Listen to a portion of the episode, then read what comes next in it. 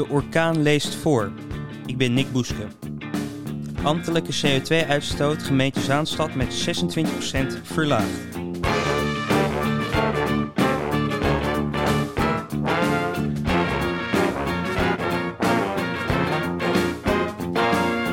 Volgens de recente berekeningen van het CO2-prestatieladder heeft de gemeente Zaanstad in 2022 haar eigen CO2-uitstoot met 26% verminderd ten opzichte van 2019. Wethouder René Tuin, verantwoordelijk voor duurzaamheid, benadrukt dat de gemeente Zaanstad klimaatneutraal wil worden en daarom als gemeente het goede voorbeeld moet geven.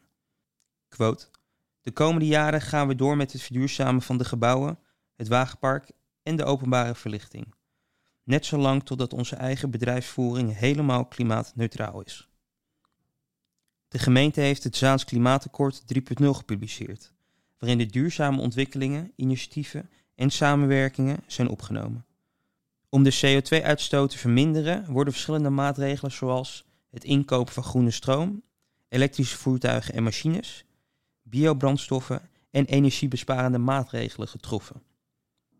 Zaanstad is gecertificeerd op niveau 3 op de CO2-prestatieladder, die inzicht geeft in de CO2-uitstoot van gemeenten en verbonden partijen.